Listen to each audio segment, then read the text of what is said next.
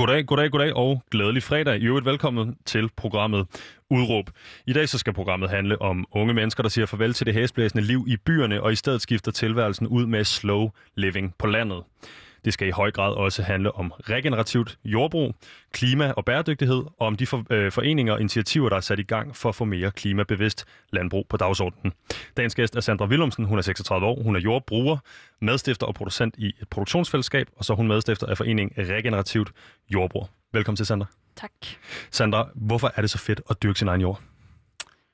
Øh, altså, det tror jeg, du vil få rigtig, rigtig mange forskellige svar på øh, alt efter hvem du er og hvor du kommer fra, øh, og hvad for en jord du dyrker.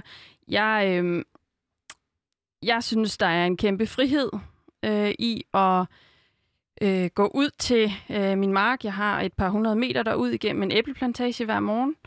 Jeg skal ikke pendle. Jeg har ikke nogen, der står og siger til mig, hvad jeg skal gøre, øh, andet end øh, vejret og øh, sådan de øh, forhold, som der så spiller ind på, øh, på jorden.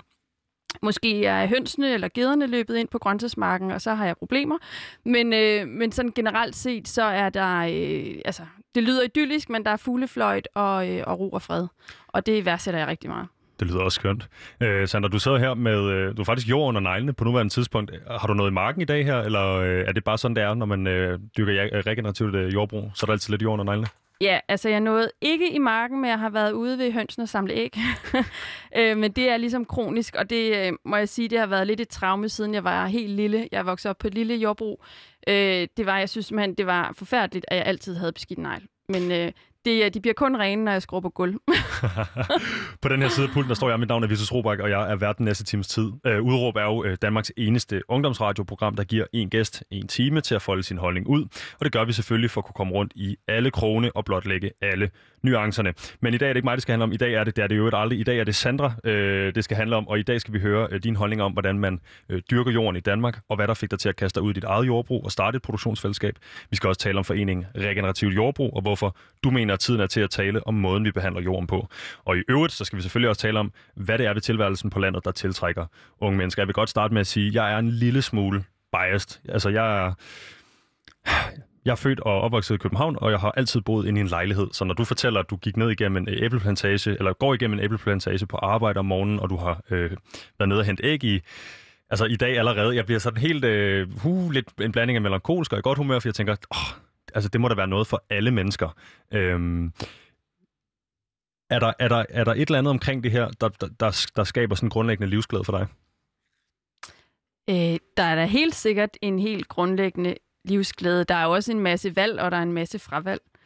Øhm, men men øh, grundlæggende også, som jeg startede ud med at sige, så øh, har det altid været øh, vigtigt for mig i alle de øh, valg, jeg har taget, og i de, øh, de forskellige jobs, jeg har øh, været i, at, at der var en frihed til at være den, jeg var og er. Øhm, og, øh, og det har jeg heldigvis haft mulighed for, men, øh, men det kan jeg også godt se, at det er langt fra øh, sådan det gængse øh, arbejdsmarked. Så, øh, så livet på landet, det er, jo, det er jo, for mig er det ikke et arbejde, det er et virke, det er en hverdag.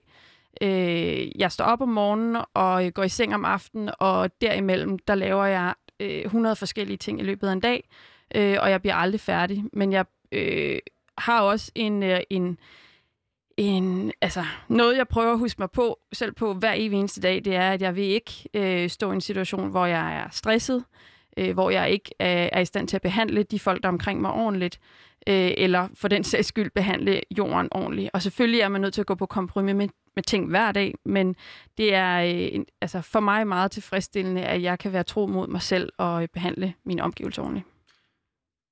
Sandra, her i programmet så opererer vi jo med et udråb, altså en eller anden form for et eller andet statement, der skal indkapsle sådan dagens program. Hvad er dit udråb? Øh, det er, at øh, der er behov for mange flere unge jordbrugere.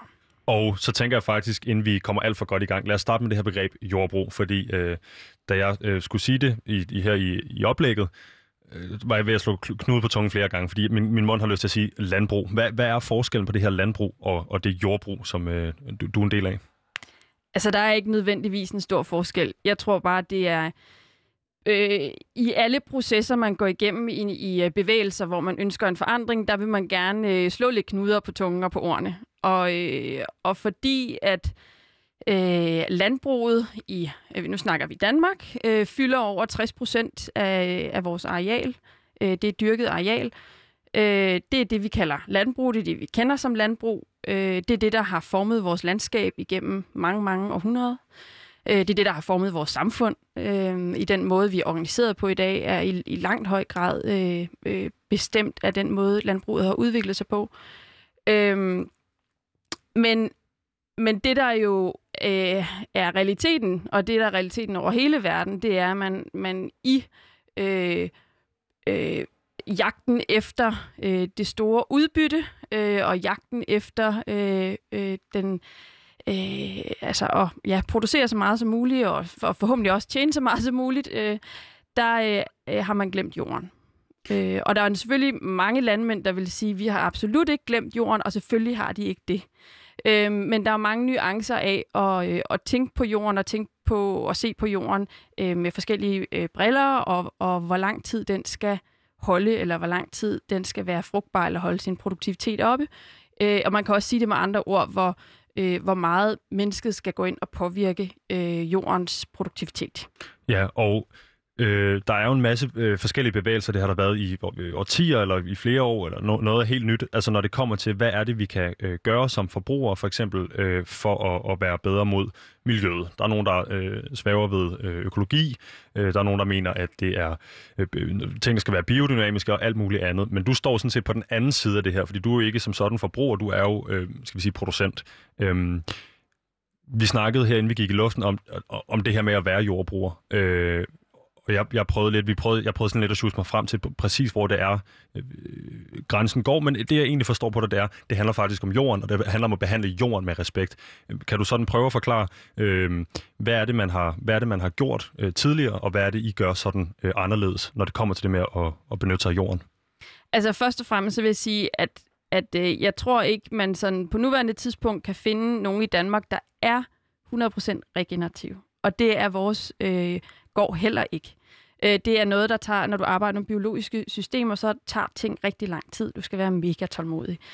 Øhm, men, men sådan helt, helt grundlæggende, øh, og vi kommer nok tilbage til, hvad, hvad det regenerative sådan er øh, i, i, i en, en mere kort fortælling, øh, så den store forskel øh, fra det, øh, den måde vi driver og har drevet land på og driver land på i dag, og, og den måde vi øh, øh, gerne vil prøve at udfordre øh, de praksiser, det er jo, at man har, man har øh, jordbearbejdet rigtig meget, det vil sige, man har pløjet, øh, og, øh, og i, i den proces øh, forstyrret jorden og forstyrret det mikroliv i jorden, som er nødvendigt for, at øh, du har et rigt øh, liv i jorden, og du har nogle, øh, øh, nogle en, en øh, altså jorden har en kapacitet til at holde på vand. Øh, jorden har en, øh, en naturlig frugtbarhed. Jorden har mulighed for at binde og lære øh, kulstof i høj grad. Og sådan. Og så der er mange, der er mange ting, som, øh, eller mange processer, som bliver forstyrret af, at vi har forstyrret jorden. Så det er også et spørgsmål om at, om at lade jorden vende tilbage til, hvad den var, inden vi begyndte at hælde pesticider i og, og opdrætte osv.? Øh, ja, altså jeg synes, man skal... Altså, det er jo altid sådan lidt det her med at vende tilbage til noget, fordi øh, selvfølgelig har der været nogle praksiser engang, som i høj grad minder om det, øh, vi også øh, arbejder med, men, men øh, de har jo startet for et udgangspunkt, der var øh, i meget højere grad i balance, end det vi starter fra i dag, så det er nogle andre... Det er alligevel en anden situation at stå i, øh, at vi ligesom... Øh, det regenerative skal jo prøve at øh, forbedre øh, og, og øh, at genopbygge øh, noget, der er øh, øh, i dårligere stand, end sådan som vi fandt det. Ja, og Sandra, jeg har jo prøvet at øh, få dig til at komme her og gæste mig i studiet relativt lang tid nu. Jeg tror, du er en af de gæster, vi har forsøgt at få herind i længst tid. Øh, og det har været sådan, at det er med høst og øh, de her 100 forskellige opgaver, du siger, du sikkert og mere forløst, fra du står op til du går i seng osv. Det er en travl hverdag. Det er noget, jeg tænker, man skal øh, brænde for. Derfor kunne jeg godt tænke mig, at vi starter programmet her med at snakke lidt om, øh, sådan dit forhold til det regenerative landbrug øh, og din øh, opvækst med øh, den her form øh, eller den her måde ligesom at, at have en anden tilgang og respekt for øh, for den planet vi lever på. Øhm, på nuværende tidspunkt er du en del af det produktionsfællesskab lidt syd for Ringsted der hedder Farenløse Mosteri. Er det rigtigt udtalt? Ja. Øhm, Og øh, du nævner for kort tid siden, at det er noget, du har du også vokset op på et, øh, på et jordbrug. Øh, hvor længe har du ligesom beskæftiget dig med det her? Altså, hvor længe har det været en, et, en aktiv beslutning for dig at, at beskæftige dig med det her? Altså sådan, øh, det regenerative, kan man sige, hvis du har spurgt mig for fem år siden, så har jeg aldrig hørt om det før. Så, så det er det regenerative, og det, sådan er det med alt muligt nyt, at så kommer der et nyt ord på, og lige pludselig så rammer man en timing, eller man rammer en nerve, øh, og så... Øh, Øh, og så er det som om, at det fungerer. Det her, det er øh, noget af det, vi mangler. Det sætter ord på noget af det, vi øh, gerne vil og gerne vil arbejde hen imod. Så, så det er ikke fordi, at jeg sådan har arbejdet fra jeg var helt lille mod det regenerative. Øh, det er kommet som en proces, og jeg har været igennem øh, muligvis lige så kringlet veje som mange andre unge øh, i forsøget på at øh, være helt ærlig for mig selv, og det har jeg også haft perioder, hvor jeg ikke var øh, i forhold til at ende der, hvor jeg er nu. Eller ikke ende, men være der, hvor jeg er nu. Og jeg tænker, hvis man er vokset op på en gård, er det jo ikke lige med, at man ender på en gård. Mm. Øh, vi kan snakke masser om miljøarv, det kan vi lave et andet program om, men øh, hvornår er det ligesom, eller øh, hvor er det i virkeligheden, den her interesse for økologien og, og det regenerative kommer fra, hvis ikke det er noget, der ligesom har været en del af din opvækst, eller har været en del af den måde, dine forældre øh, drev går på? Altså, de har jo, øh, de har jo drevet øh, med respekt, øh, kan man sige, øh, fordi det var småt, og det var øh, mindet på øh, lokalt salg og på selvforsyning, men de har altid haft fuldtidsjob ved siden af. Så det var ligesom, øh, for mig var det jo livet på landet, og den opvækst var travl, øh, fordi man skulle både nå at arbejde, og man skulle også nå at arbejde hjemme. Øh, men som, øh, som ung teenager, der øh, øh, mellem øh, der, hvor jeg voksede op, og det gymnasie, jeg gik på, der øh, øh, lå Fuglebjergård, som er på det tidspunkt vejet af øh, både Camilla Plum og Per Kølster øh, som har været øh, nogle øh, øh, virkelig øh, prominente figurer, og stadig er det i økologibevægelsen i det Danmark. Øhm, og der øh, arbejdede jeg så både fuldtid og deltid og øh, sporadisk igennem øh, lidt mere end 10 år. Øh, og har jo været med i øh, en ting af alt det, altså meget af det praktiske øh, arbejde på sådan en gård, og alt hvad de har eksperimenteret med igennem årene. Øh, har inspireret mig helt vildt. Øh, men det var jo også en politisk øh, kogekedel øh, med nogle meget, meget holdningsprægede mennesker, som virkelig brændte for det og brænder for det, de gør. Øh, og har taget rigtig mange kampe og har været øh, hudløs ærlige omkring, hvad de tror på. Øh, så det, ja, altså jeg, jeg kan huske øh, min, mange af de første år, hvor jeg bare har siddet helt musestille og været helt chokeret, fordi det var, altså, jeg var ikke vant til at komme fra så øh, rapkæftet miljø. Øhm, men, øhm, men jeg kan jo godt se efterfølgende, at der ligesom skete noget inde i mig, der gjorde, at jeg var meget splittet omkring. Øh, jeg valgte at læse medicin øh, og brugte en del år på det. Og, øh, og lige pludselig fandt jeg ud af, at det var ikke det var ikke den stemme, det var ikke den vej, jeg skulle, og øh, jeg var egentlig meget mere interesseret i det forebyggende arbejde. Jeg vil egentlig gerne have, at folk slet ikke blev syge, og hvordan kunne jeg gøre det? Og så, så tror jeg, at nogle gange kan jeg være lidt ekstrem, så kan jeg sådan sige, okay, to streger under det, øh, hvordan bliver folk ikke syge? De skal simpelthen have noget ordentligt mad, og hvordan gør jeg det? Og så er det jo en længere ligning, men, men bottom line var, at, at det handler om en sund jord. Okay, og øhm, nu nævner du selv det her, øh, det lyder på mig som om, det er et fællesskab, øh, du som øh, øh, ung øh, kvinde har indgået i, og noget med, nogle, med din familie måske, med Camilla Plum og, og, og så videre på øh, Fuglebjergård. Men når jeg tænker på de her, øh, altså du ved, øh, vi prøver at differentiere mellem jordbrug og landbrug, der jeg tænker på klassisk landbrug, øh, øh, du ved, stort maskineri og kæmpe store marker, og øh, at Danmark er det mest opdrættede land i verden sammen med, hvis nok... Øh, Bangladesh eller et eller andet. Øhm, det du præsenterer mig for her lyder lidt mere som noget, der kunne ligge over i sådan øh, noget kollektiv, eller et eller andet, hvor der ligesom, altså, eller et fællesskab, øh, og du bruger øh, selv tidligere det her betegnelse produktionsfællesskab. Men kan du prøve at forklare mig og lytteren, altså hvad er, hvad er et produktionsfællesskab i virkeligheden, øh, og hvad er det for nogle principper bygger det på? Øhm, Altså, det var jo det var noget, der øh, tog et par år. Vi, vi købte Farnløse Mosteri øh, efter en tvangsaktion i 2015, foråret 2015.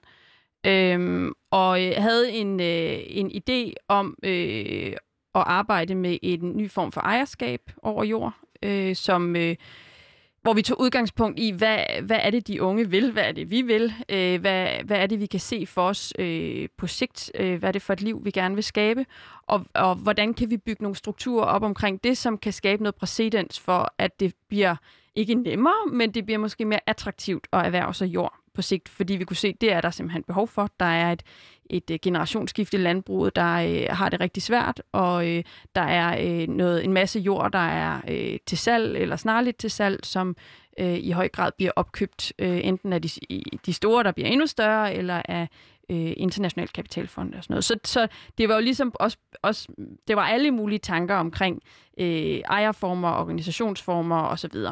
Øh, vi, havde, vi havde ikke klokkeklart, altså alting gik sindssygt stærkt, som det gør, når man finder noget på en tvangsaktion, og, øh, og siger, altså nogle gange, så skal, det, så skal man bare have en uge til at tage en beslutning, før at øh, den bliver rigtig vild.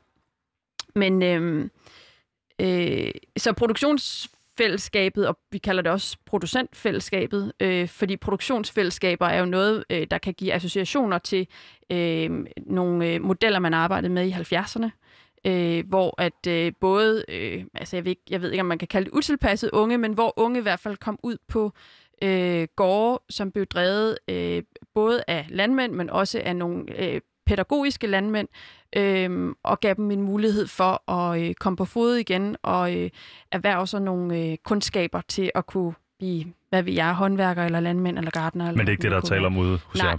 Eller, altså, vi har selvfølgelig læst de historier og synes, det har været rigtig spændende, så vi, altså, vi har jo ikke købt en eller anden pakke. Vi har tværtimod prøvet at sige, ligesom vi også har læst rigtig meget om andelsbevægelsen, og ligesom sige, hvordan kan vi putte det her ind i en moderne kontekst? Øh, og det er derfor, vi er endt ved et producentfællesskab, fordi vi kunne se, at øh, det, der er øh, problematikken i dag øh, for rigtig mange, det er, at øh, når du er ung, og måske så ung, at du ikke har nået at arbejde så forfærdeligt mange år endnu, så har du ikke øh, en fed bank. Konto, som, øh, som kan overbevise banken om, at det er en god idé, at du lige pludselig skal ud og have et øh, lavt lønnet job på en gård, og øh, også lige låne et par millioner i banken og sådan noget. Øh, så det var noget mere at finde ud af, hvordan øhm, kan vi være flere om at deles om de udgifter, og samtidig også skabe et fællesskab omkring noget, der kan være relativt skræmmende. Altså tanken om at skulle drive et landbrug helt alene, hvis man ikke har en baggrund i landbruget, eller hvis man aldrig øh, havde tænkt, at det var den vej, man skulle gå, eller har en uddannelse inden for det. Eller så. Øhm, Føl, ja. Føler du sådan, at... Øh, nu siger du det også lidt selv, det her med at, at overbevise en bankmand eller en, en bankrådgiver øh, om at tage den her rimelig drastiske beslutning. Øh, er der et eller andet, du føler, du har givet afkald på? Nu tænker jeg øh, fra øh, Sandra, der læser øh, medicin til Sandra, der, øh, og det er jo ligesom, altså jeg tænker, en økonomisk virkelighed, man befinder sig i, hvis man færdiggør den uddannelse, kontra øh, Sandra på, øh, på jordbruget. Hvad ligesom, hvad, var det bare et spørgsmål om, altså den her trang, der var så stærk med, til at hjælpe nogen og, og sørge for, at mennesker er sunde osv., jorden er sund, gjort det den økonomiske virkelighed ligegyldig, eller har du aktivt ligesom taget stilling til de her øh, ting, du har øh, enten følt, du må give afkald på, eller måske har en helt anden, øh, hvad skal vi sige, øh, tilgang til? Det, det er jo noget, der sker over tid. Øh, altså, jeg, jeg øh, fandt hurtigt ud af, da jeg efter fire år stoppede på medicinstudiet, det kunne jeg ikke få merit for nogen steder. Men øh, jeg endte med at kunne komme ind på Lund Universitet og har læst en international kandidat i miljø- og bæredygtighedsvidenskab. Og det var ligesom en ret for mig spændende kobling at først fokusere på et biologisk system, mennesket, og derefter fokusere på et meget, meget større, øh, og, og samtidig sætte det i en kontekst af, hvordan skaber vi den nødvendige forandring. Øh, og den kan være politisk, eller den kan være folkelig, eller den kan være alt muligt ind imellem det. Øh, og øh, så, så og, og efter at have færdiggjort den, så, øh, så, så går der nogle år, hvor at jeg øh, øh, arbejder med nogle forskellige ting, men, men jeg tror ret hurtigt finder ud af, at, øh, at altså jeg, har, jeg tror egentlig altid, jeg har tænkt, at jeg, vil, jeg gerne vil arbejde med et politisk betændt emne, men jeg egner mig absolut ikke til at være politiker. øhm, så det var jo en jagt efter at finde ud af, hvordan kan jeg have et politisk virke, øhm, som jeg kan stå inden for. Øh, og det, det ender ud med, at man, man øh, eller at jeg, jeg, jeg ender med en dagsorden, som jeg brænder for, øh, og det er der, hvor du kan være det politiske væsen, du kan være bedst.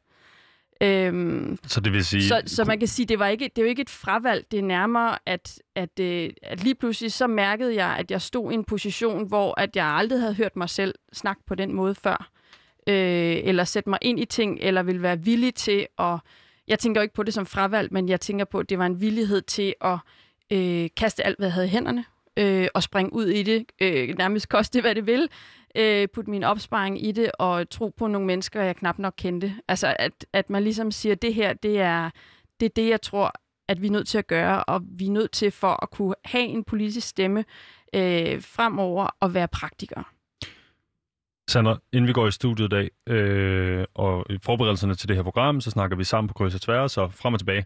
Der bliver nævnt det her beløb, som, eller den her, øh, den her økonomiske virkelighed omkring øh, dine beslutninger her, som er, du, du får det forklaret noget i retning af, læser man medicin færdig, så kan man tjene 50.000 om måneden, øh, hvis det er det, der tænder en selvfølgelig, det er det, der er ens drivkraft, men du, du er nærmere et sted øh, på det her tidspunkt i... Øh, skal vi sige... Øh, Min iværksætterkarriere. ja, præcis, hvor de her 50.000 kroner kommer mere på en, på en årlig basis. Øh, og, det, og det fik du og jeg øh, ned af et ret interessant øh, snak omkring det her med øh, unge mennesker og økonomiske realiteter. Vil du, kan du prøve at hjælpe mig lidt med at komme tilbage på altså det her med, øh, at det måske i virkeligheden for mange unge mennesker kan være øh, enormt øh, afskrækkende at man ikke sidder tilbage med x antal tusind kroner om måneden, man kan bruge på, og jeg ved ikke, om det er Playstation-spil, eller altså, hvad det er, der går igennem de unge menneskers hoveder, men, men noget, du oplever som værende, jeg vil ikke sige afskrækkende, men et, et reality-check i hvert fald, omkring, hvad det er for en øko, et økonomisk incitament, der er i at gøre det, du gør. Ja, altså det, man kan sige, de tal, det er også for at sætte det lidt på spidsen, øhm, fordi jeg ved ikke, hvad jeg reelt vil have tjent som læge, og, og jeg håber da, jeg kan tjene mere end 50.000 om året på sigt. Øhm, men men det er jo øh, for mig at se, og det er også noget, der hænger sammen med øh, den regenerative tanke, det er, at vi kigger meget mere nuanceret på økonomi.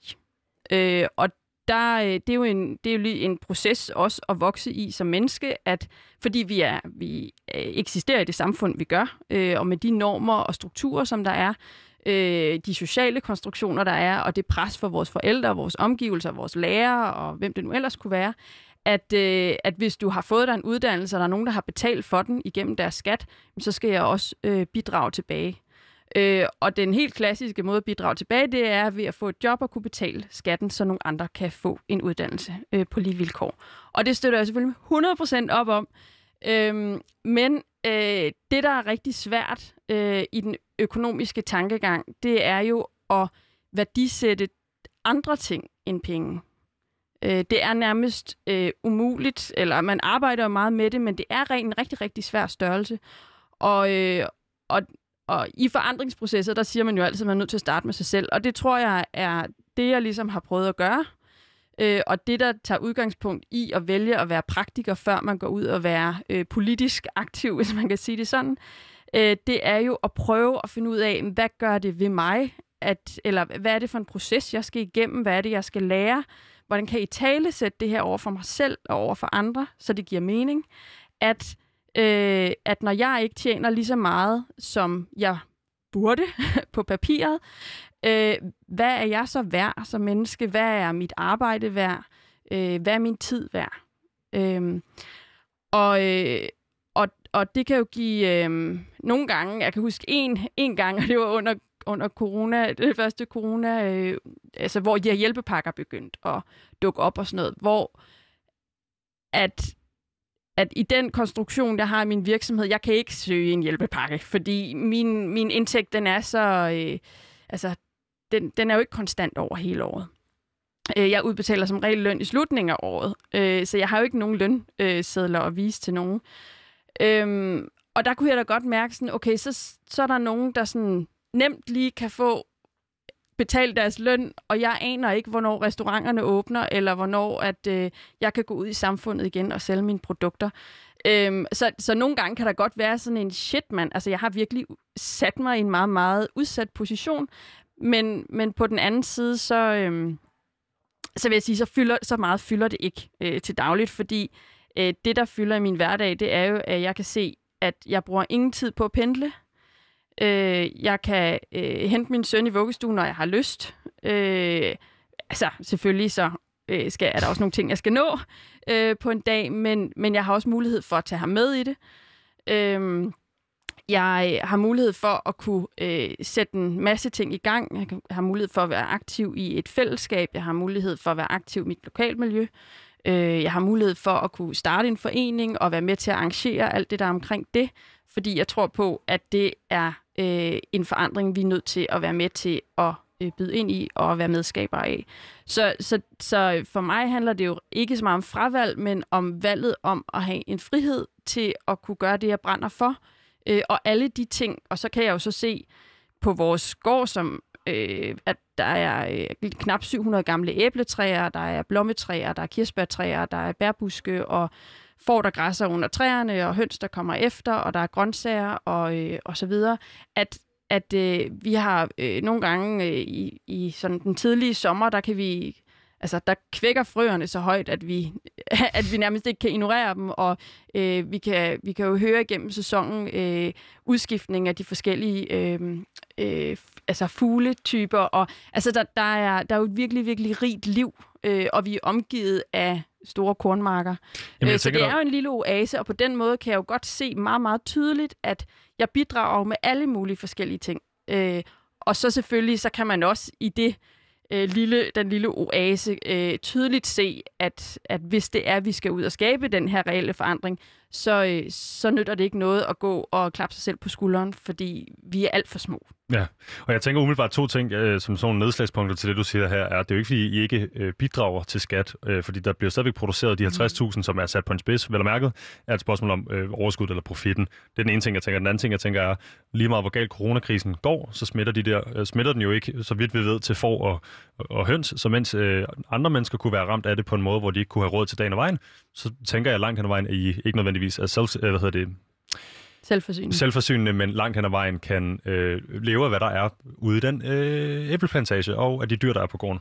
Øhm, Sandra, vi skal videre i teksten, øh, fordi nu nævnte du selv øh, nemlig tidligere det her med øh, regenerativt øh, jordbrug, og du, vi snakker også om det her med at ramme en nave, eller øh, altså øh, om hvorvidt det her regenerative, øh, altså begrebet, er, er, det, er det noget, er det et buzzword? Kunne man, er det det, dine forældre måske i gamle dage øh, bare kaldte respekt for planeten øh, osv.? Men først, øh, så vil jeg lige sige til øh, lytteren, der sidder derude, at du har tændt for Radio Loud. Du lytter til Udråb med mig, Vitus Robak. Jeg har Sandra Willumsen i studiet i dag. Hendes udråb er, at der er behov for flere unge jordbrugere.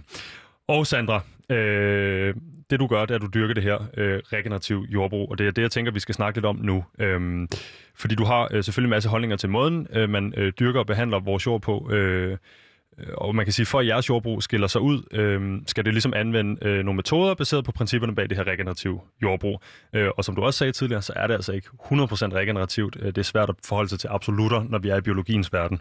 Øh, men hvad er det så, øh, regenerativt øh, jord, jordbrug er, og hvorfor hedder det ikke landbrug? Og fik jeg sagt landbrug der en masse gange? Det ved det holdt jeg ikke styr på. Det, min, producer, min producer giver mig thumbs up. Øh, det er nemlig øh, en, lidt en tongue twister for mig her, men, men hvad er det her regenerativ øh, jordbrug? Og, og, og, og vi var inde på det lidt tidligere, men hvorfor er det ikke, hvorfor er det, ikke det konventionelle landbrug, vi kender? Øhm, det regenerative, nu prøver jeg at sådan skære lidt ind til benet, fordi der er øh, rigtig mange grene. Altså det, er et relativt, altså, det er ikke et nyt begreb. Det har øh, eksisteret siden, øh, nogen vil sige 70'erne, 80'erne, og så har det været lidt glemt, og så er det kommet op igen. Lige nu buller det frem i især USA. Øhm, så der er selvfølgelig, det er langt mere nuanceret, fordi der er langt flere praktikere, der, øh, der eller langt flere land, øh, landbrug øh, og, og jordbrug, som praktiserer det. Øhm, I Danmark er det øh, langt mindre udbredt, men øh, helt grundlæggende så handler det om øh, at øh, genopbygge jorden, og det vil sige genopbygge mikrolivet i jorden, binde kulstof, det vil sige atmosfærisk kulstof, skal bindes i jorden igen. Øh, og så handler det om at skabe en langt større diversitet, biodiversitet øh, på vores arealer, dyrkede arealer. Så hvis vi tager de tre nedslagspunkter og prøver at sammenligne dem med det konventionelle landbrug, øh, som vi kender, som der er enormt meget af i Danmark, som vi også nævnte tidligere. Danmark er et enormt opdrettet land. Øh, hvad, er, er, er det tre ting, man også øh, opnår ved at, ved at dyrke det konventionelle landbrug, eller øh, er det noget, der fuldstændig udbliver? Øh, altså man kan sige, at i Danmark er, øh, har, har landbruget ikke udpint jorden i lige så høj grad, som vi ser mange andre steder. Og det, øh, det skal jeg ikke gøre mig til øh, dommer over, hvorfor, men, men, øh, langt hen ad vejen er det danske landbrug kendt for at være rigtig, rigtig dygtig. Øhm, og, øh, og vi har aldrig været, hvad kan man sige, så meget på røven, at vi har været nødt til at, øh, at dyrke uden omtanke overhovedet. Øh, og vi har været rigtig dygtige til også at finde øh, metoder, øh, der øh, er mindre skånsomme, hvis man kan sige det sådan. Ikke? Mm-hmm. Øh, men dertil sagt, så, øh, så bliver der jo øh, brugt øh, Øh, de helt almindelige traditionelle metoder, i hvert fald dem, man har brugt over de sidste 50, 60, 70 år, øh, kunstgødning og sprøjtegifte og, øh, og pløjning. Men... Og jeg vil sige sådan, og nu er det bare, det er også for at sige, at, at jeg, har ikke, jeg har ikke behov for at gå nogen på klingen her, fordi jeg har dyb respekt for alle landmænd i Danmark, fordi det er benhårdt arbejde, og det, øh, det er et helt særligt liv. At når, altså jeg kan huske i starten, da vi, da vi startede ude øh, på øh, vores gård der, der lige pludselig så kunne jeg godt forstå, hvorfor at landmanden tilbage i øh, 40'erne, 50'erne var helt op at køre over, at der lige pludselig var en traktor, alle kunne købe. Og at der lige pludselig var noget, man kunne sprøjte ud på markerne, som gjorde, at man ikke skulle stå og hakke øh, ukrudt i øh, dagvis, og man skulle være 10 mand om det, og man øh, var nedslidt som øh, 35-årig. Det er bare for at sige, at at sådan historisk set, så er der jo, øh, det er jo med al udvikling, al teknologisk udvikling, så er der jo en kæmpe befrielse for mennesket øh, i det. Men, men dertil sagt, så er vi jo nået til et punkt nu, og det har vi været øh, i, i en del årtier, at, at øh, vi er gået for langt, øh, og at øh, vi er gået på kompromis med øh, en langsigtighed i forhold til, hvis vi skal altså, det er jo en lidt en floskel efterhånden, hvis vi skal tænke på de fremtidige generationer, men det er vi jo bare nødt til at gøre. Ja, jeg vil sige, altså, min forfædre kom til det her land for at øh, øh grave øh, roer op. Øh, de var øh, polske, og øh, det har været rigtig hårdt arbejde. Jeg har engang været på noget museum, og de var forberedt hele dagen. Så det forstår jeg også godt, selvom jeg er uden for den her. Det tror jeg mange i øvrigt forstår. Det er enormt hårdt arbejde. Men hvis vi på den ene side, det konventionelle landbrug, har øh, sprøjtegift og øh, alle mulige forskellige former for, øh, jeg vil ikke sige hop over, hvor gader er lavest, for det er også det, du siger, det er et enormt hårdt fysisk arbejde, hvis ikke man har de her hjælpemidler. Hvad er det så, I gør anderledes for at øh, binde den her atmosfæriske kulstof. kulstof i jorden, og sørge for, at jorden er mere vandholdig osv.? Hvad gør man helt konkret? Hvordan ser det ud? Øh, for det første så jordbearbejder man minimalt, hvis man overhovedet jordbearbejder. Og det vil sige pløjer, haver, øh, vender jorden. Øh, du sørger for, at jorden er dækket til i så høj grad som muligt. Det kan være af en levende øh, plante, levende afgrøde, eller det kan være en død afgrøde. Altså det kan være det, øh, øh, at du øh, dækker med øh, strå for, din, øh, for dit korn, altså halmen, eller øh, du dækker med øh, en, en grøngødning, en, et mix af, af plantedække, som ikke er øh, noget, vi skal bruge til at spise, men som er, øh, hvad kan man sige, mad til jorden.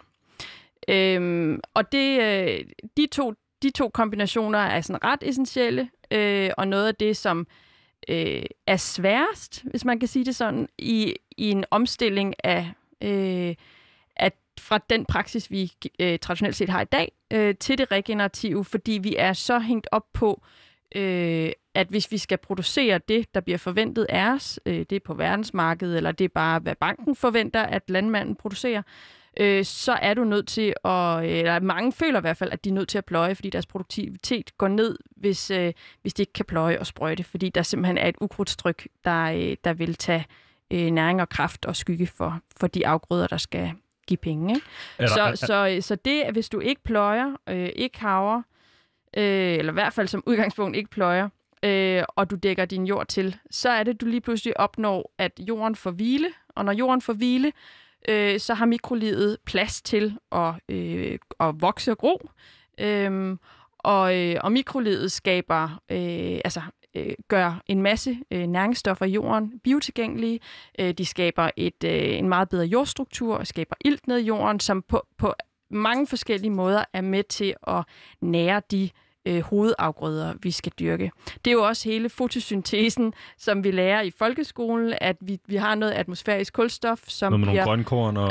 ja, som, øh, som bliver lavet om til nogle suk- sukkerstoffer igennem plantens øh, øh, fotosyntese, og, øh, og går ned øh, både og forsyner planten, men selvfølgelig også forsyner øh, de øh, bakterier og øh, det mikroliv, der er nede i jorden omkring planten. Er, er det det, der skal til? Øh, det er i hvert fald en rigtig, rigtig... Øh, det er et, et stort skridt på vejen. Øh, jorddække er så det næste, og det er jo for at forhindre, at et mikroliv trives også bedst, hvis jorden er øh, holdes fugtig. Øh, og det gør den ikke, hvis du... Du kan jo godt forestille dig, hvis du... Øh, og det kan man også se på en jord, hvis man vender den. Øh, den er fugtig og dejlig. Øh, solen skinner lige pludselig, så er den helt tør og smuldret eller knoldet, hvis det er en lærjord. Øh, der er ikke rigtig særlig meget, der trives i det. Øhm, Hvad ellers? Øh, Hvad med pesticider? Pesticider, er jo heller ikke godt for mikrolivet. Det siger også sig selv. Øh, en, en, en pesticid, det er for at slå noget ihjel, som er en pest. Øhm, og, øh, og så kan man sige, selvfølgelig er man blevet rigtig, rigtig dygtig til at lave pesticider, som målretter sig efter nogle helt specifikke ting. Øhm, men det, det, når du går ind og piller kemisk ved de her balancer, om det er noget ukrudt, du slår ihjel med nogle herbicider, om det er nogle øh, insekticider, du bruger til, din, øh, til insekterne, eller om det er nogle fungicider, du bruger til svampene, øh, så går du ind og øh, blander dig i den mulige balance. Øh, så hvis du går ind og sprøjter øh, glimmerbøssen væk i rapsen, så, øh, øh, så har du... Øh, altså, så, vi, vi lader den bare stå. Ja, ja. Nej, men det er mere i forhold til, så, så giver du jo aldrig mulighed for, at det rovdyr, som vil øh, nære sig af, af, af den glimmerbøsse, får mulighed for at komme... Jeg antager en glimmerbøsse til, en blomst, eller en, det er en, en plante? Det er en lille bille. En, en lille bille? Okay. Ja. øhm, så så meget tror jeg nok, man vil kalde den. Øh, det er mere for at sige, at, at du går ind og blander dig i de her fødekæder. Øh, og det gør jo, at du forarmer øh, ned igennem systemet. Altså, du, du øh, opbygger jo ikke en balance. Nu har jeg haft bladlus i, øh, i min træspinat, og, øh, og jeg ved nu af erfaring, at jeg skal vente øh, to-tre uger, og så, øh, så er mariehønerne fede og glade, og så er bladlusene væk. Øh, men, men, men i det traditionelle system, der vil øh, mariehønerne ikke finde derhen. Og, og måske vil de heller ikke være i stort nok antal til at kunne øh, æde bladlusene i øh, øh en mark på 400 hektar. Hvis nu vi omdannede eller omlagde... Så det er mere for at sige, at du spurgte til, til pesticider og sådan noget, at, øh, at, øh, at det går jo ind og påvirker øh, det mikroliv, der er. Fordi når du slår en ting ihjel, så slår du også noget andet ihjel. Ja, jeg ved det fra at gro tjal, at hvis man øh, stiller et lille purløg ind, så er der noget, der hedder øh, nogle små æderkopper, som egentlig vil spise øh, hampeplanten. De kan meget bedre lide purløg. Så hopper de ned og spiser, spiser purløgsplanten i stedet for, og så står man ligesom med øh, noget, der ikke er blevet sprøjtet med alt muligt giftigt, som i øvrigt skal ned i lungerne. Øhm, så det gælder jo på alt muligt forskelligt, tænker jeg. Noget andet, jeg vil høre om, det var, hvis nu vi omdanner hele det danske landbrug til den måde, I dyrker det op på, vil vi så kunne fodre øh, danskerne, eller er der ligesom behov for den her, øh, altså det konventionelle, konventionelle øh, landbrug i en eller anden udstrækning? Øhm, altså, jeg tror, i, i stedet for at snakke konventionelt og økologisk og regenerativt, så vil jeg hellere snakke om skala. Øh, fordi der er ingen tvivl om, at hvis vi skal brødføde Danmark, eller hvis vi skal være lidt mindre, øh, eller altså ikke tænke så meget på os selv kun, så, øh, så kunne man sige, hvis vi nu øh, havde en forsyningsstrategi, der omhandlede øh, de nordiske lande, øh, for også at tænke på et klimaaftryk i forhold til, hvor, hvor langt vi skulle transportere tingene, selvom der også er delte meninger omkring det. øh, så, øh, så er der jo brug for, at vi, altså, de store landbrug er også rigtig gode til noget, og til rigtig mange ting. Øh, så, så der, hvor vi er lige nu, der, det er, at øh, mange af dem, der arbejder med de regenerative metoder lige nu, det er unge mennesker, de har ikke råd til at købe 200 eller 1000 hektar. Så det er jo små bedrifter. Øh, det, der sker i USA lige nu, det er jo, at bedrifter på øh, 1500 hektar, de ligger om. Så det er jo ikke fordi, at, øh, at det her det handler om, at det er små jordbrug. Det kan sagtens skaleres op. Øh, det er nogle metoder, der kan, der kan passe ind i mange forskellige systemer og tankegange. Øh, og, og på sin vis, der er en, en, en, øh, en ret øh, stærk, øh, jeg ved ikke, om man vil kalde det, øh, tendens i det konventionelle lige nu om, øh, omkring pløjefri landbrug, øh, som vinder rigtig meget øh, indpas, og, øh, og som jo er et rigtig vigtigt skridt på vejen øh, i forhold til netop at, øh, at opbygge det her mikroliv og sørge for, at alle de efterfølgende processer øh, også øh, har mulighed for at vinde indpas, altså øh, binding af kulstof og sådan noget.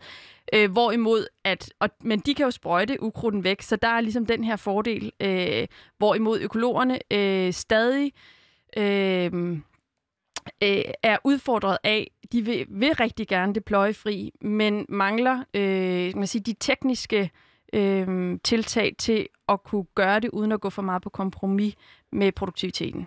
Så det er jo ikke for at sige, at det ikke kan lade sig gøre. Det er bare noget med, at, at det tager tid at omstille sine øh, praksiser. Øh, fordi, og det er jo oftest, fordi man ikke har råd til at gå ned i produktivitet. Præcis. Ja. Sandra, tusind tak. Nu, jeg, jeg, jeg forstår det bedre. Jeg håber, lytterne ude forstår det bedre. Jeg kan se, at producer mig jeg forstår det bedre i hvert fald. Øhm, og jeg vil sige, inden vi hopper videre til det næste, nemlig øh, den her snak om øh, unge mennesker og øh, den højskole, I også øh, er en del af derude. Øh, så vil jeg lige fortælle lytteren, der skulle have tændt for deres radio efter timestart, øh, at du lytter til Udråb på Radio Loud. Med mig i studiet i dag har jeg Sandra Willumsen. Øh, hendes udråb er, at der er behov for flere unge mennesker øh, i jordbruget. Mit navn er Vitus Robak, og det vi skal til at snakke om nu, Sandra, det er det her med de her unge mennesker. Altså øh, også tilbage til dit øh, udråb, nemlig at der er behov for flere af dem, øh, øh flere unge jordbrugere i virkeligheden. Øh, fordi I Farenløse Mosteri øh, har været med til at tage initiativ til et højskoleforløb på Jyderup Højskole, der hedder Det Lille Landbrug. Jordbrug. Jord... Der var den godt. jeg vidste, jeg vidste, det ville komme til at ske. Det Lille øh, Jordbrug. Hvad går det ud på? Øh, det var øh, en, øh, det var jo lidt en reaktion på, at efter vi startede op, så øh, begyndte der at komme flere og flere unge, der ringede til os og spurgte, hey, må vi ikke komme ud og se, hvad I laver? Øh, det er noget, vi rigtig gerne vil. Vi ved ikke helt, hvordan vi kommer i gang. Øh, vi vil gerne gøre det sammen med nogen, men måske kender vi ikke lige nogen, og så videre, og så videre. Øh, og vi sagde selvfølgelig ja, og vi har haft rigtig mange igennem. Øh, men vi kunne også godt se, at øh, mange af dem kom fra København øh, måske ikke vokset op i København, men har i hvert fald været ind, herinde om øh, i forhold til uddannelse, øh, at det er meget fjernt for mange og øh, sådan op, helt at vide, hvad det kræver. Og tør jeg kaste mig ud i det? Hvad, hvad betyder det for mit, øh, mit sociale liv? Hvad betyder det for min økonomi? Kan jeg få et job derude? Eller øh, tør jeg overhovedet tænke på at kunne leve af det? Og så videre.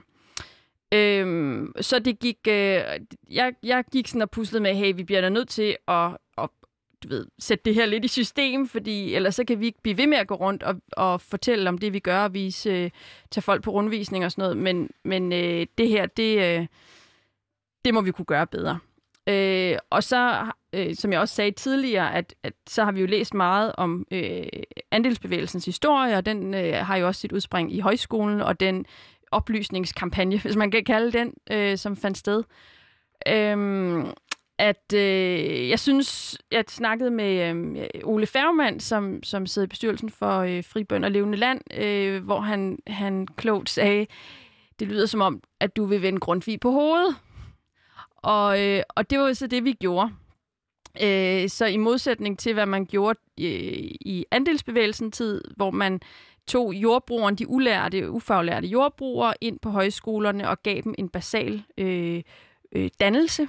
Øh, øh, de fik også lov at lave noget idræt og øh, lære deres krop at kende. Øh, og, øh, og så tænker vi, hvad nu hvis vi tager de lærte unge fra byerne ud på landet øh, og giver dem en forståelse for, hvad øh, det kredsløb det øh, indeholder, og om det er et liv for dem, om de ligesom kan se de to ting smelte sammen. Og hvis vi så ligesom laver en fast forward til 2020 her, øhm, nu er det selvfølgelig ikke så lang tid siden her, men nu tænker jeg på øh, den, den, den klassiske model, du beskriver.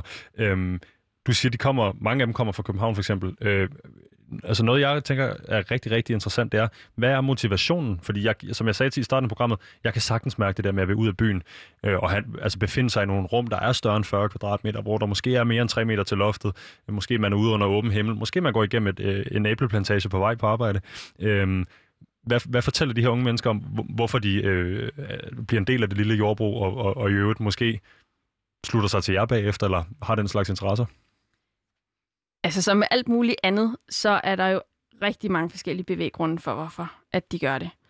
Øhm, kan, du, kan du give mig en top 3 måske? Ja, altså der er øh, dem, der er i gang med en uddannelse, som tænker, de er gået lidt død i det. Øh, de er i tvivl om, det er det, de vil. Øh, måske valgte de det, fordi det var fornuftigt. Og øh, måske har de rigtig svært ved at se sig selv arbejde med det resten af deres liv. Nummer et. Hvad med nummer to? Nummer to. Øh, de er færdiguddannet. De har lige været ude et år, to eller tre. Øh, de sidder foran den der computer og tænker, hvad laver jeg her? Mellem 9 og 5. øh, der må være noget andet, øh, og jeg er nødt til at finde ud af det nu. Øh, nummer tre. Øh, hvad er hvad er nummer tre? Øh,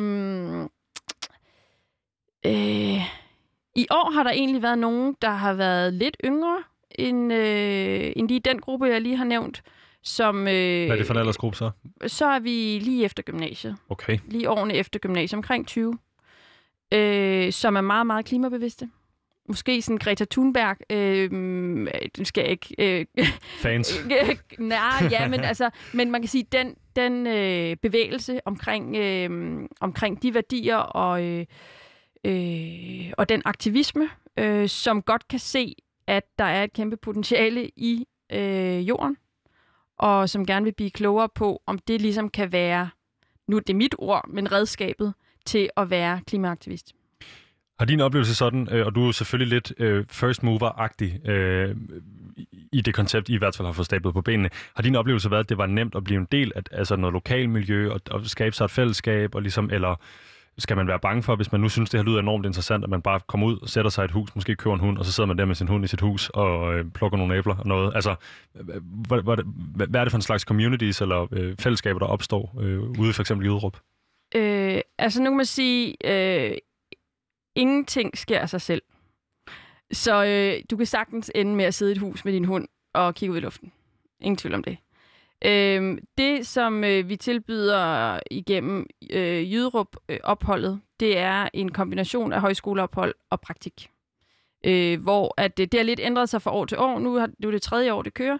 Øhm, men hvor en rigtig høj del af det øh, er praktik ude på gårdene, og det har vi øh, valgt øh, skulle fylde rigtig meget.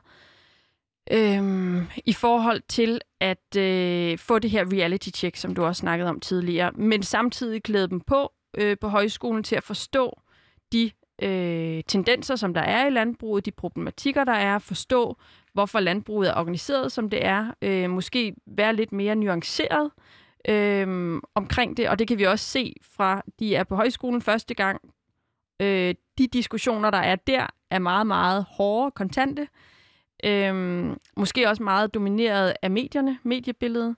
Så kommer de ud på gårdene og er et par uger, og så kommer de tilbage på højskole på en refleksionsuge, og så er diskussionerne noget helt andet. Altså de er blevet blødere eller mere reflekteret måske? De er blevet meget mere reflekteret, ja. fordi de lige pludselig godt kan se, at det her det er godt nok ikke nemt. Sandra, hvis jeg nu står her i studiet nu, jeg er øh, radiovært og har lige stoppet min øh, uddannelse. Øh, det vil sige, det jeg laver nu, det er, at jeg står i radioen. Jeg bor inde i København, og jeg er, for at sige det helt ærligt, ikke træt af at bo i København, men hold op, hvor vil jeg gerne have noget mere luft rundt omkring mig. Øh, hvis nu øh, jeg er flyttet op øh, til jer, eller i en lignende situation, hvad er så ligesom din, øh, hvad er det, jeg virkelig skal overveje, før jeg kaster mig ud i det her? Øhm, jeg tror at du skal overveje, hvad det er, der er vigtigt for dig. Øhm, altså, hvad værdien at bo i København er. Mm-hmm. Øh, bruger du kulturlivet rigtig meget? Øh, har du hele din vennegruppe herinde? Øh, er du øh, dybt afhængig af øh, shawarma på hjørnet? Indtil videre Eller... altså øh, check, check, check. ja, øh, øh, det var uden at jeg vidste Men øh, det, det er jo selvfølgelig ting, du sagtens kan lave om på. Men, men det er i hvert fald det, som øh, når, når øh, vi har jo en del, der kommer ud og er der i kortere og længere perioder som frivillige og sådan noget, at, at øh, det er det, jeg godt kan høre, er en hurdle. Øh, øh, bliver jeg ensom herude? Øhm, øh, kan jeg få tiden til at gå? Kan jeg tjene nogle penge? Kan jeg øh, miste af mine venner? Øh, synes de er mærkelige? Eller, altså det kan være alle sådan nogle øh, forskellige overvejelser. Øhm, det kan også være, at forældrene synes, det er en lidt tosset idé. Øh, og hvad stiller man op med det? Fordi er det så en tosset idé? Ja, eller er noget ungdomsoprør sagt det, ikke? øhm, og, og især når, øh, når man så øh, indviger dem i, at øh, man ikke bliver rig af det. Altså, der er jo, der er jo så mange ting, der kan gøre øh, os unge mennesker nervøse eller øh, øh, øh, usikre. Og det er jo, når det er, at vi bliver udfordret på de her ting, som der bliver forlangt af os. Øh, altså, at vi, vi kan tjene vores egen penge, og at vi kan opretholde et socialt liv og være velfungerende sunde mennesker, og alle de her ting øh, som er for ondt, øh, i hvert fald nogle af os, at, at øh, altså, det er... Jeg, jeg, jeg tror, mit bedste råd, det er, at hvis du er drevet af det, så skal du prøve det. Men det er absolut heller ikke noget, vi alle sammen skal. Det vil jeg tage til mig så, og så vil jeg tænke mig, øh, tænke mig rigtig godt om, hvor min drivkraft er, inden jeg flytter ud til jer, øh, Sandra. Det sidste, jeg godt kunne tænke mig, at vi lige bruger lidt tid på her, fordi vi er ved at være øh, ved timens øh, ende, øh, det er at snakke lidt om den forening, I har startet derude, Forening for Regenerativt Jordbrug, og altså ikke landbrug. Øh, Helt kort, så tænker jeg på, øh, det her, det er noget, øh, mig og min, øh, altså vi har snakket om redaktion, du og jeg fik lige lov at snakke om det, inden vi gik i luften. Den her, øh, det her ønske om, tænker jeg, at udbrede det her, fordi det er, jo, det er jo godt for miljøet, det I gør dernede, men det er også svært at, at, at sådan, det er jo ikke noget, der for alvor bonger ud på BNP'en eller på de helt store klimamålinger eller noget. Øh, og jeg tænker også, der er en eller anden form for ønske, ikke nødvendigvis om at bekrige det konventionelle landbrug, men om at udbrede det her. Øh, så øh, øh, uden at være alt for floskelagtig, så tænker jeg, at det er lidt den her øh, David og Goliath-kamp, og noget af det, du og jeg har snakket om, det er også, er det politisk, eller er det folkeligt, det der foregår? Og, og du siger selv, der er lidt en, en, en, en politisk uh, ildsjæl inde i dig. Bare ikke en politiker, men en, der uh, brænder for, de her, uh, for den, den her dagsorden. Uh, hvad er så ligesom det her det folkelige modstykke, eller det folkelige modsvar? Jeg tror, det er jo en erkendelse af, altså foreningen, eller startede som et netværk. Uh, vi har holdt en, en, en række seminarer, øh, hvor at øh, til vores store overraskelse, så fik vi samlet øh, henholdsvis 70 og 80 unge jordbrugere. Øh, nogen i gang, nogen på vej, og nogen, der øh, er på spring, hvis det øh, ikke er det samme. Øhm, og det er jo helt vildt opmuntrende, at øh, bare det at mærke, at man ikke er alene. Øh, og at det her det er en vigtig dagsorden, og der er nogle løse ender, som vi kan koble sammen. Eller der er nogle dagsordner, som øh, vi har er, er, er fælles for os, øh, øh, eller er vigtige øh, for os øh, i fællesskab. Øh, men når du får samlet så mange praktikere, uden at have en ansat administration, for der er vi slet ikke endnu, og det er heller ikke øh, planen, at der skal være det, så, øh, så, har, øh, så er der rigtig, rigtig lidt tid fra øh, februar til oktober. Mm-hmm. Øh, praktisk talt ingen, ingen tid. Må jeg gætte, øh, må jeg gætte på, at det har noget at gøre med høsten? det har noget at gøre med høsten og sæsonen. Mm-hmm. Øhm, men øh, så, så fra starten af, tror jeg i hvert fald, jeg har gjort mig, øh, vi er jo slet ikke så modne endnu som forening.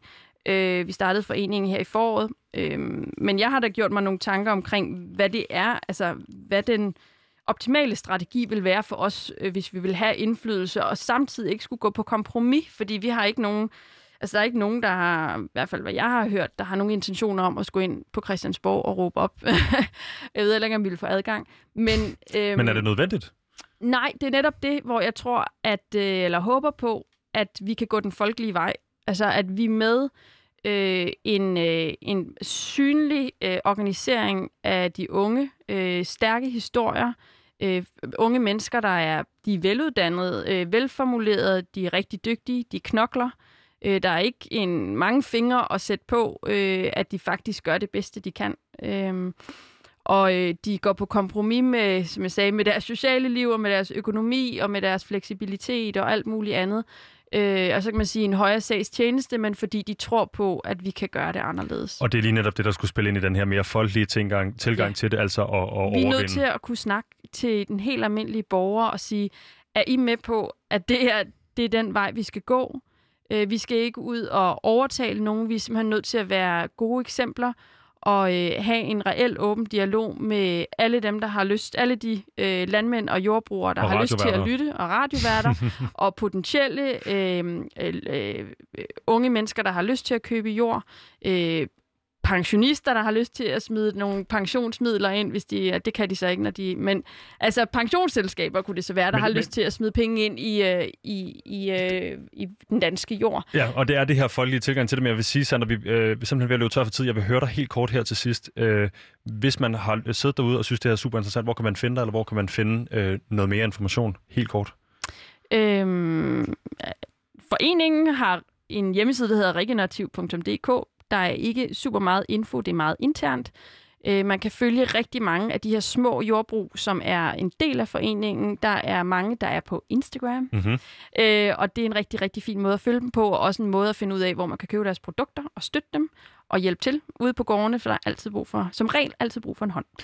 Det vil være det øh, sidste ord. Øh, Sandra Willemsen, tusind, tusind tak, fordi du kom ind og tilbragte en, en time med mig her i studiet i dag var slet Øh, til dig, der sidder derude, du har lyttet til Udråb øh, med mig, Vitus Robak her på Radio Loud. Jeg var så heldig at have Sandra Willumsen med mig i studiet i dag. En travl kvinde. Øh, nu, nu fik vi det endelig til at fungere, Sandra, her et, øh, et halvt år efter, vi nærmest snakkede sammen først. Det passer ikke helt, men programmet var produceret af Rakkerpark Productions. Øh, dagens øh, producer til rettelægger hedder Maja Bader.